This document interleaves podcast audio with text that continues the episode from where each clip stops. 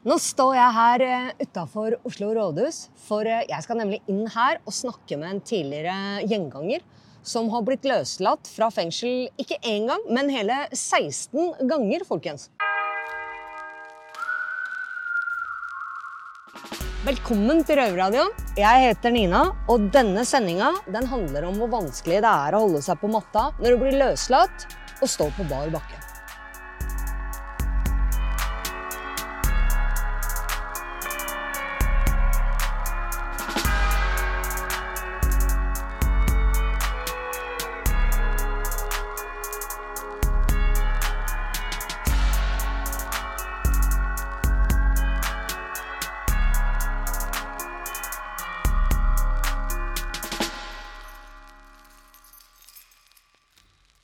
Hei, Alf Jon Hansen. Hei, hei Nina her. Hei, velkommen til Oslo rådhus. Tusen takk. Det var litt av en sikkerhetskontroll å ta seg gjennom her, da. Var av med alt utstyr og Må jo det når det er selve politikerne i Oslo vi passer på her. Så Ikke sant? det er klart det må være skikkelig da. heftig. Det er det absolutt.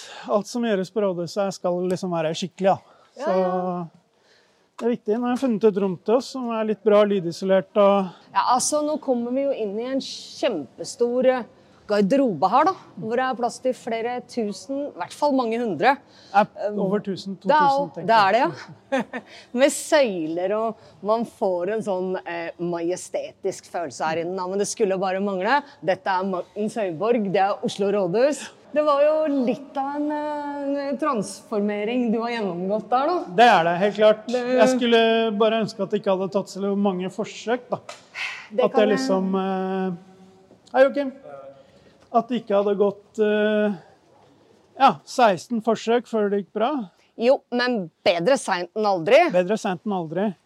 Men eh, det var jo ikke før liksom jeg selv ønsket en forandring før jeg skulle dra ut. Jeg jo, har jo sittet 16 ganger i fengsel, Ja. og 16. gangen gikk det bra. Men da hadde jeg plass på Synningom omsorgssenter på plass, og ND-dom eh, på plass før jeg slapp ut fra den dommen jeg sona. Så jeg satt jo inne og sona en dom på seks måneder eh, for biltyveri. Det er jo hovedsakelig biltyveri jeg har de 22 dommene for. da. ja. Jeg var veldig glad i å kjøre bil og hadde ikke råd til egen, så da lånte jeg. Det er jo en typisk røverhistorie. det Ja, ja. liksom hadde ikke råd til bil, så jeg, Ja. jeg lånte Ja. dem ikke engang, men mange. Ja. Jeg, jeg er vel dømt for 320 biltyverier, men jeg har vel stjålet sikkert 1500-2000 biler i mitt liv. Du har slutta med det nå, da? Jeg har slutta med det nå, jeg har fått lappen, så nå trenger jeg ikke det. Så får jeg låne bil på jobben. Gratulerer. gratulerer. Jeg er veldig nysgjerrig på Fikk du da noe hjelp til å etablere deg, reetablere deg i samfunnet? Det er mulig den hjelpa var der, men jeg ble ikke gjort oppmerksom på den. Eh, ikke hadde jeg den gnisten i magen jeg hadde siste gangen heller. Eh, jeg kom jo inn rett fra gata, veide 50 kilo, hadde sykla rundt et års tid og solgt pepper, liksom. Jeg var tynn og radmager og bodde på hospits. og eh, det ble liksom en sånn runddans. da, At du kom fra det inn for å sone. Tror ikke de som jobba i fengselet, inkludert de på Nav, og sånn, hadde noe tro på at jeg var en som kunne komme meg ut av det. Eh, Jeg var jo i et miljø hvor ingen rundt meg kom ut av det, og da blir det veldig vanskelig sjøl å skulle tro på det. Men du hadde altså ikke noe ønske om å bli nykter i hele tatt eh, noen av de andre gangene du ble løslatt? Jeg hadde et ønske om det, men jeg trodde ikke det var realistisk. Jeg trodde jeg var for far gone da, til å kunne greie å forandre meg. Det er jo så få som faktisk blir nyktre, da. Ja. At det er lett å tenke at det er umulig, nesten. Ja, ja. Altså Når du er i et miljø hvor ingen andre du ser aldri, altså De som klarer seg, ser du aldri. For Nei. de kommer jo ikke tilbake og prater om hvor bra de har det nå.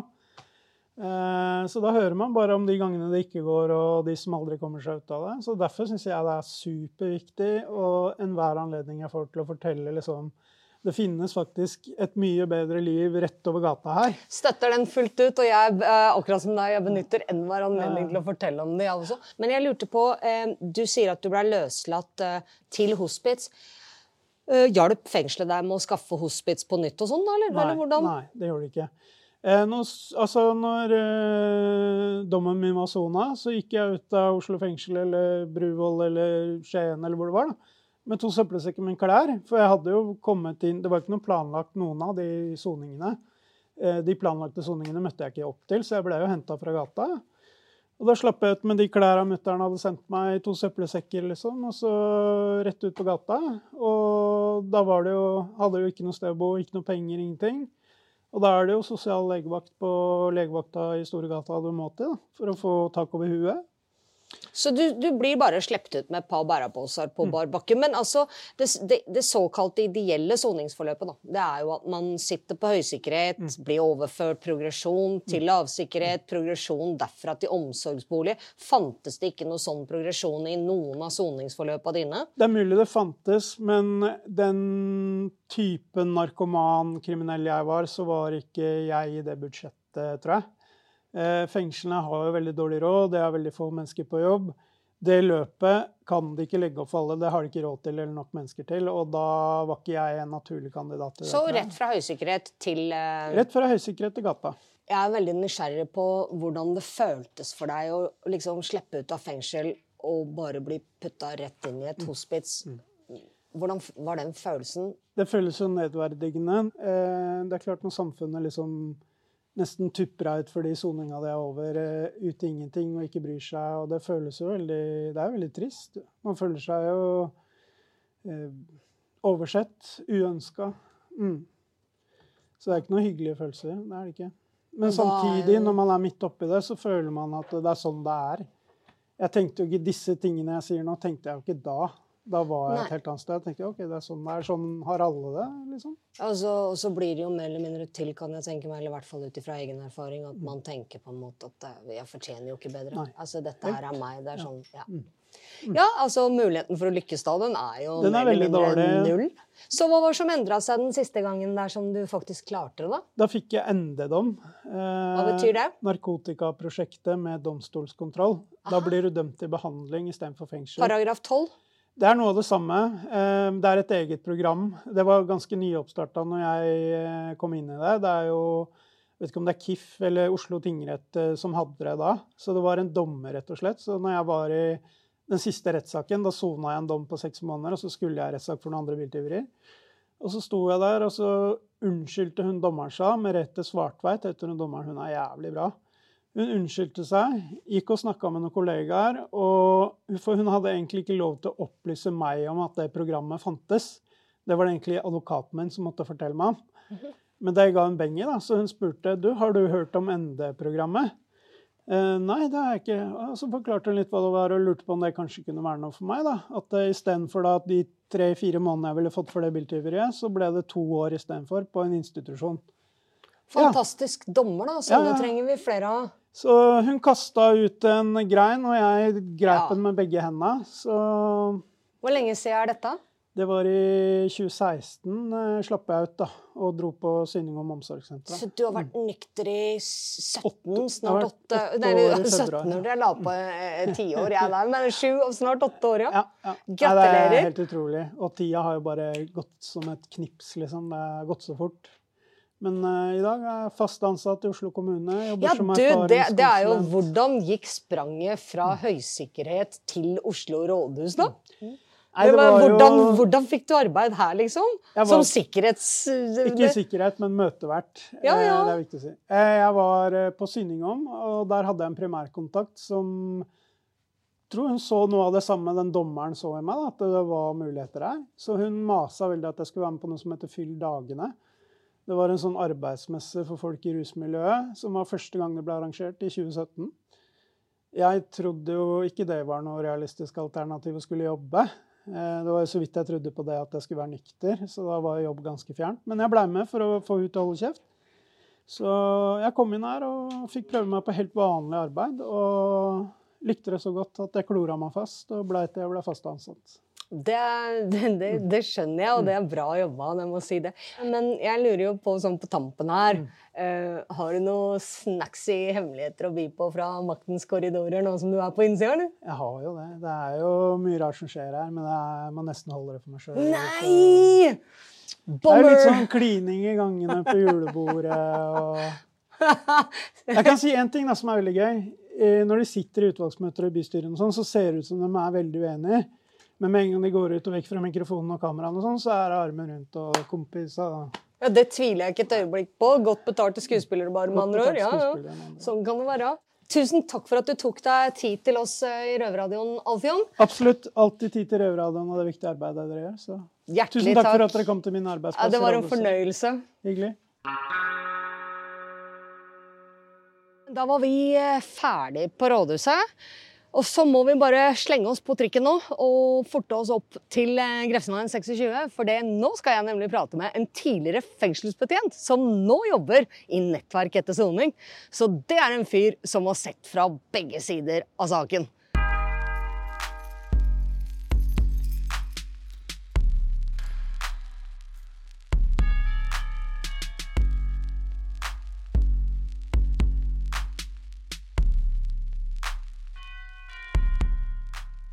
Ja, da er vi tilbake i studio. Velkommen hit til eh, Røverradioen, Kristoffer Høydahl. Du er eh, tidligere fengselsbetjent og nå ansatt i nettverk etter soning.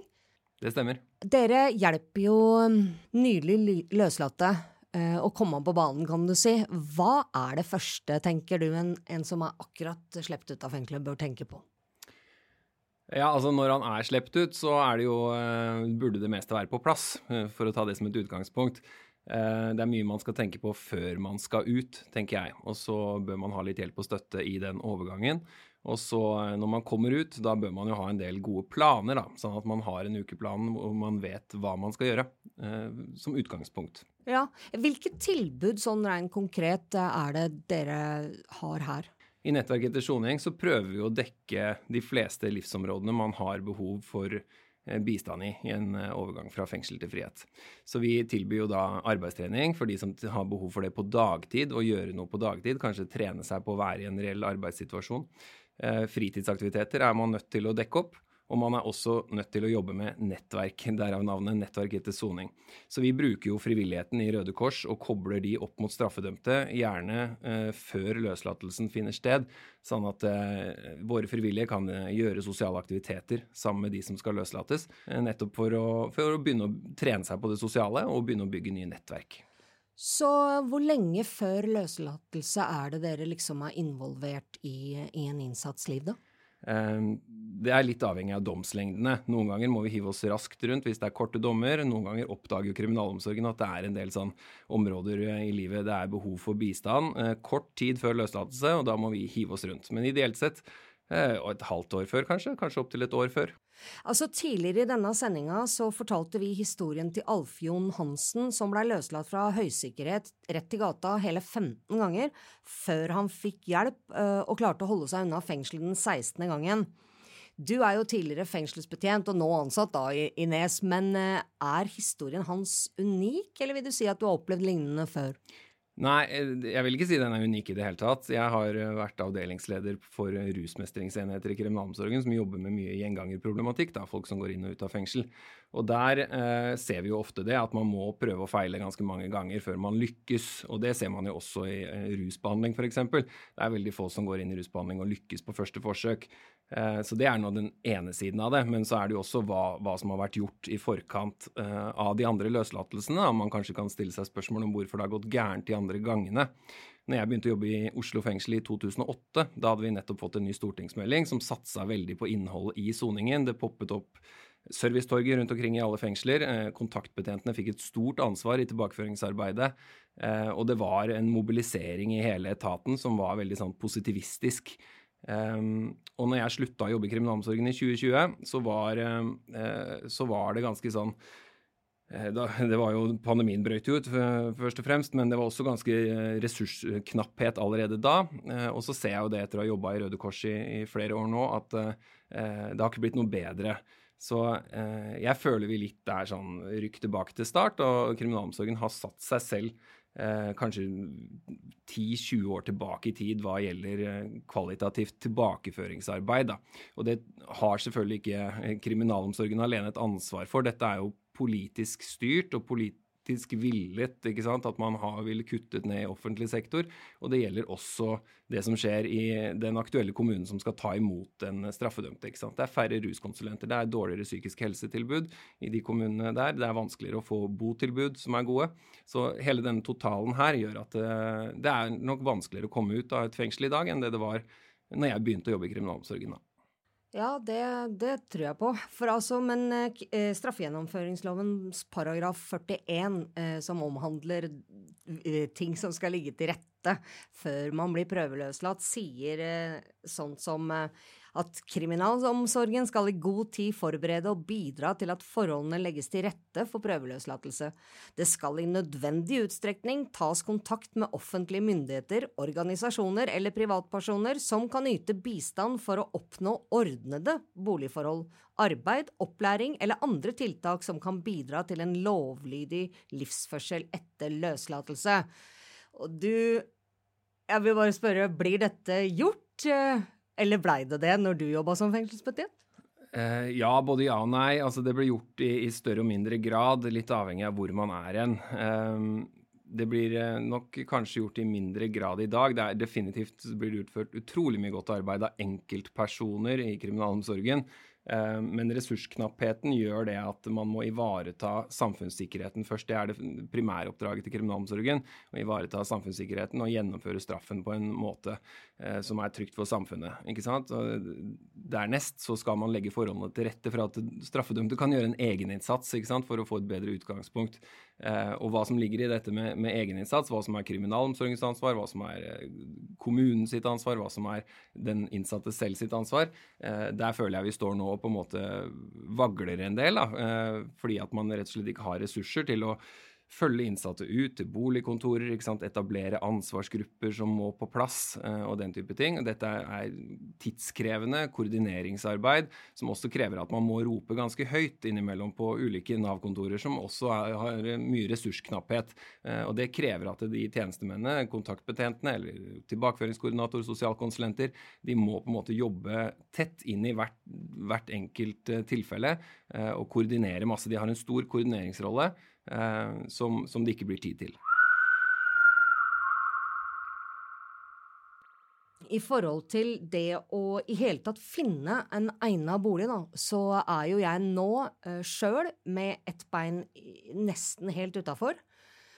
Og jeg uh, har da søkt kommunal bolig, og siden det er litt over åtte måneder igjen, til jeg skal løslates, så fikk jeg avslag eh, fra boligkontoret med den begrunnelse at det var over seks måneder til jeg skulle løslates. Og så har vi jo undersøkt, og det viser seg jo det at eh, det er jo ofte mer enn seks måneder ventetid på å få en bolig, pluss at friomsorgen har oppfordra meg til å søke hjemmesoning uten lenke de siste månedene, sånn at i realiteten så er det kanskje fem-seks måneder til jeg trenger denne boligen. Og og jeg føler jo at hele den greia der er en skikkelig catch 22. Er det din Har du noe erfaring på dette her? Ja, mye. Jeg har vært borti mange lignende tilfeller hvor også vi i kriminalomsorgen har blitt frustrerte fordi vi har fått de samme svarene fra ulike boligkontor i ulike kommuner. Og eh, det har selvfølgelig med presset på boligkontorene å gjøre, og at det er mange om beinet, og at de må prioritere hardt. Eh, jeg har vært med på løslatelser til ja, alt fra campingvogner til uh, campinghytter til hospits. ikke sant? Mange sånne akuttløsninger. Uh, så er det jo lovpålagt at kommunene skal uh, tilby midlertidig sted å bo. og det, er jo ikke dit vi vil når vi skal planlegge langsiktig, og når vi snakker om lange domsgjennomføringer som er på flere år, så, har man da vitterlig tid. ikke sant? så det handler om å være tett i tett dialog med den kommunen som skal ta imot eh, deg, i ditt tilfelle, da, som skal løslates til en bydel eller en kommune, så uh, må de som er rundt deg og hjelper deg i den prosessen, være veldig tydelige på at her er det behov for en gradvis tilbakeføring til samfunnet. Er, det er flere aktører, det er friomsorg, det er Nav, det er bolig altså Alt dette skal spille sammen i en harmoni. og da kan man ikke komme med, med korte seks måneders vedtak. Det holder ikke. Nei, for jeg tenker altså, da har jo jeg sona i tolv år. Eh, når jeg endelig skal da slippes løs på samfunnet. Og det å ikke engang tilby da et, et trygt sted å bo, da, når jeg appåtil har vært rusfri nå da i, i hvert fall over uh, åtte år, og endelig har fått orden på livet mitt, så, så, så syns jeg jeg på et eller annet vis jeg føler jo at det er dårlig samfunnsøkonomi. Det har jo kosta veldig mye å ha meg i fengsel alle disse åra. Og så er det prat om at jeg skal jo betale husleia sjøl. Bare skaff meg en base, liksom. Det burde jo ikke være så ufattelig vanskelig. Nei, og jeg har sett eksempler på det motsatte, at det ikke er vanskelig i det hele tatt. At folk har fått lov til å ha en bolig i ett og et halvt år før de løslates, hvor kommunen faktisk betaler det, og man har fått lov til å ha frigang til sin egen bolig for å pusse den opp, bare for å trene på å være i sitt eget hjem og reise tilbake til en overgangsbolig. Så det er, det er, eh, det er masse sånne gode eksempler på at dette kan gjøres, men problemet her er at det er så ulik praksis. Ikke sant? Det er så tilfeldig grad, stor grad av tilfeldighet. Når man snakker om så lange dommer som det der, så er i hvert fall min erfaring at man trenger en gradvis utslusning, og den skal være nøye planlagt. Eh, og alle involverte parter skal snakke godt sammen i den prosessen. Ja, for eh, liksom, alternativet er jo det private boligmarkedet, og der har du jo litt erfaring, veit jeg, i arbeidet som fengselsbetjent, og prøve å få tidligere innsatte ut på det. Og der, der veit jeg jo at det er problematisk. Én, fordi du blir kredittsjekka, vel. Og de fleste straffedømte har kanskje gjeld. Eh, to, de stiller med Nav-garanti, og det vil vel ikke utleiere flest ha? Nei, altså Det er jo en del utleiere som aksepterer Nav-garanti. Um, gjeldsproblematikken her er jo stor. 81% av alle innsatte har gjeld. Uh, det er ikke alle av de 81% som nødvendigvis har store betalingsproblemer, men veldig veldig stor andel har det. Spesielt de som har gjengangerproblematikk uh, og stor rusproblematikk, psykisk helse, den type ting. Der er det så å si alltid et uh, gjeldsproblem, som vi også prøver å bistå med i Røde Kors gjennom vårt gjeldsarbeid. Um, som fengselsbetjent så, så, eh, reiste vi ofte ut på fremstillinger med innsatte, hvor betjentene reiser i sivile klær og kanskje spiller en kamerat av den innsatte eller uh, en eller annen bekjent, hvor man skal være, prøve å være en støtte, rett og slett fordi at man må uh, pakke historien sin inn i en hvit løgn for å overtale en utleier om at uh, du er den som skal få den leiligheten. Og Det er mange aspekter ved det som er vanskelig. Det er vanskelig å få tilgang på internett inne i fengsel for å lete etter boliger. Det er vanskelig å booke visninger og ringe ut og planlegge disse visningene. Det er vanskelig å få fremstillingene på plass, og nå er ressurssituasjonen sånn at det, de aller færreste får en fremstilling for å planlegge og reise på boligjakt på det private markedet. Og Da blir det et enda større press igjen på det offentlige og den mottagende kommunen eh, til å fikse en kommunal bolig. Så dette er en ond sirkel. Men, men, det er jo, manglende boevne er jo et stort problem for veldig mange som har bodd på hospitser eller har eh, bodd hjemme hos kamerater eller eh, kanskje har en broket historie, en dårlig oppvekst. Da. Så, så eh, det, jeg, jeg, forstår jo også skepsisen til enkelte utleiere som skal leie ut leiligheter. Ikke sant? Og da, da, kan det i samspill med det kommunale hjelpeapparatet være godt å ha boveiledere ute i kommunene som hjelper til i en innflyttingsfase. Ikke sant? Man skal kjøpe møbler, man skal komme på plass med alt det praktiske. Abonnementer skal på plass til TV og internett. og Det er et helt sammensurium av ting som er ganske forvirrende. da, når man ja, skal ut og, og ting ikke, tar tid, ting tar ikke minst. Tid. det er derfor den gradvise overgangen som du nevnte i stad, er så veldig, veldig viktig.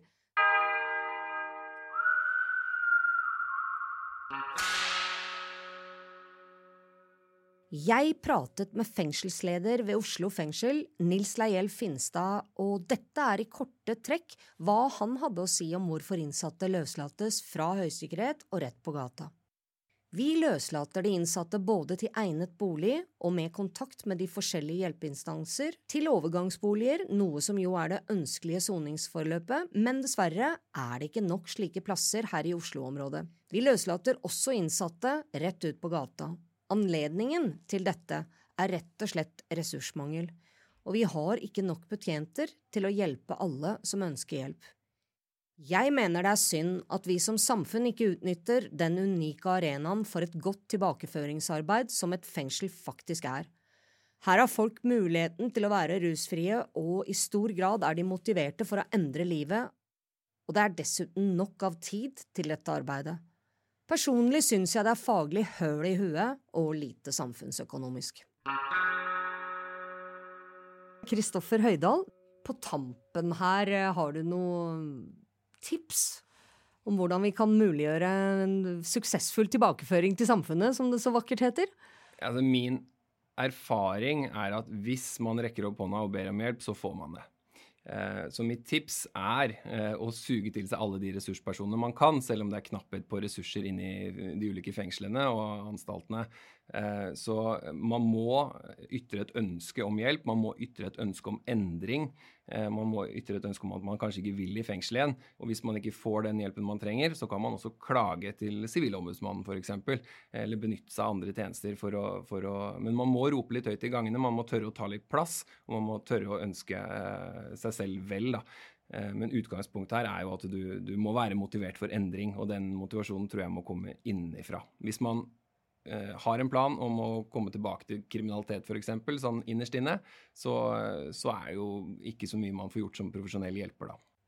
Men ut ifra egen erfaring da, så kan jeg si det at, eh, og med et eget ønske helt fra begynnelsen av eller om å endre meg og, og få til dette her for alt i verden, så er det så knapphet på ressurser at alle de ressursene du faktisk prater om og som finnes der, dem, dem er jo ikke tilgjengelig, fordi at eh, betjentene har mer enn nok med å lukke opp og igjen celle. Altså alle som har eh, behov for langvarige og koordinerte tjenester eh, etter soning, hvis man har sammensatte problemer, de har krav på oppfølging fra sin hjemkommune. Det er lovpålagt at man skal få oppfølging. Så da kan man søke kommunen om ulike tjenester i sitt tildelingskontor til kommunen. Da kan man få printa ut et søknadsskjema hvor man kan søke om en ruskonsulent eller psykisk helse eller booppfølging. ikke sant? Og det, det, Da skal kommunen respondere, de skal behandle den søknaden, eh, og man har også klagerett på det. Så, og Det er noe alle kan gjøre som sitter inne, uavhengig av en betjent. Det krever bare at en betjent skriver ut det skjemaet til deg fra internett. Altså, Men vi er jo ikke da uavhengig av en betjent. da, det er jo liksom jeg, jeg, hører hva du sier, og det er kjempefine råd, og det er veldig bra at loven sier det, men dessverre så er det langt fra lovtekst til virkelighet. Så enkelt er det bare. Men eh, ja. Det er ikke noe grunn til å gi opp kampen av den grunn. Det er jo bare å fortsette og fortsette å prøve, men lett er det ikke. Nei, jeg må si jeg føler med alle som, uh, soner uh, dommer i dag. Det er vanskeligere å uh, jobbe med sin egen tilbakeføring til samfunnet i dag enn det var for noen år siden. Og det er en realitet. og derfor prøver også vi i Nettverket til soning å være der i den grad vi kan. Og så går det også an å ta kontakt med oss og mange andre frivillige organisasjoner som, som, har erfaring med dette arbeidet. Og vi kan også være til stede inne i fengslene og, og, hjelpe til og lose ut i men, men vi kan ikke trylle, vi heller, åpenbart. Nei, men vi er veldig glad for at dere er både innafor og utafor murene og hjelper eh, så mange av oss, eh, både innsatte og akkurat løslatte. Det er helt klart. Tusen takk for at du tok deg tida til å komme og prate med oss i dag, Kristoffer Høydal, og fortsett bra arbeidet du gjør. Ja, folkens, der hører dere. Nå er Røverradioen dessverre over for i dag, men vi er tilbake allerede neste fredag klokken 14.00 på NRK P2 eller På podkast når du vil og hvor du vil hvis du ikke sitter inne, naturligvis. Yay.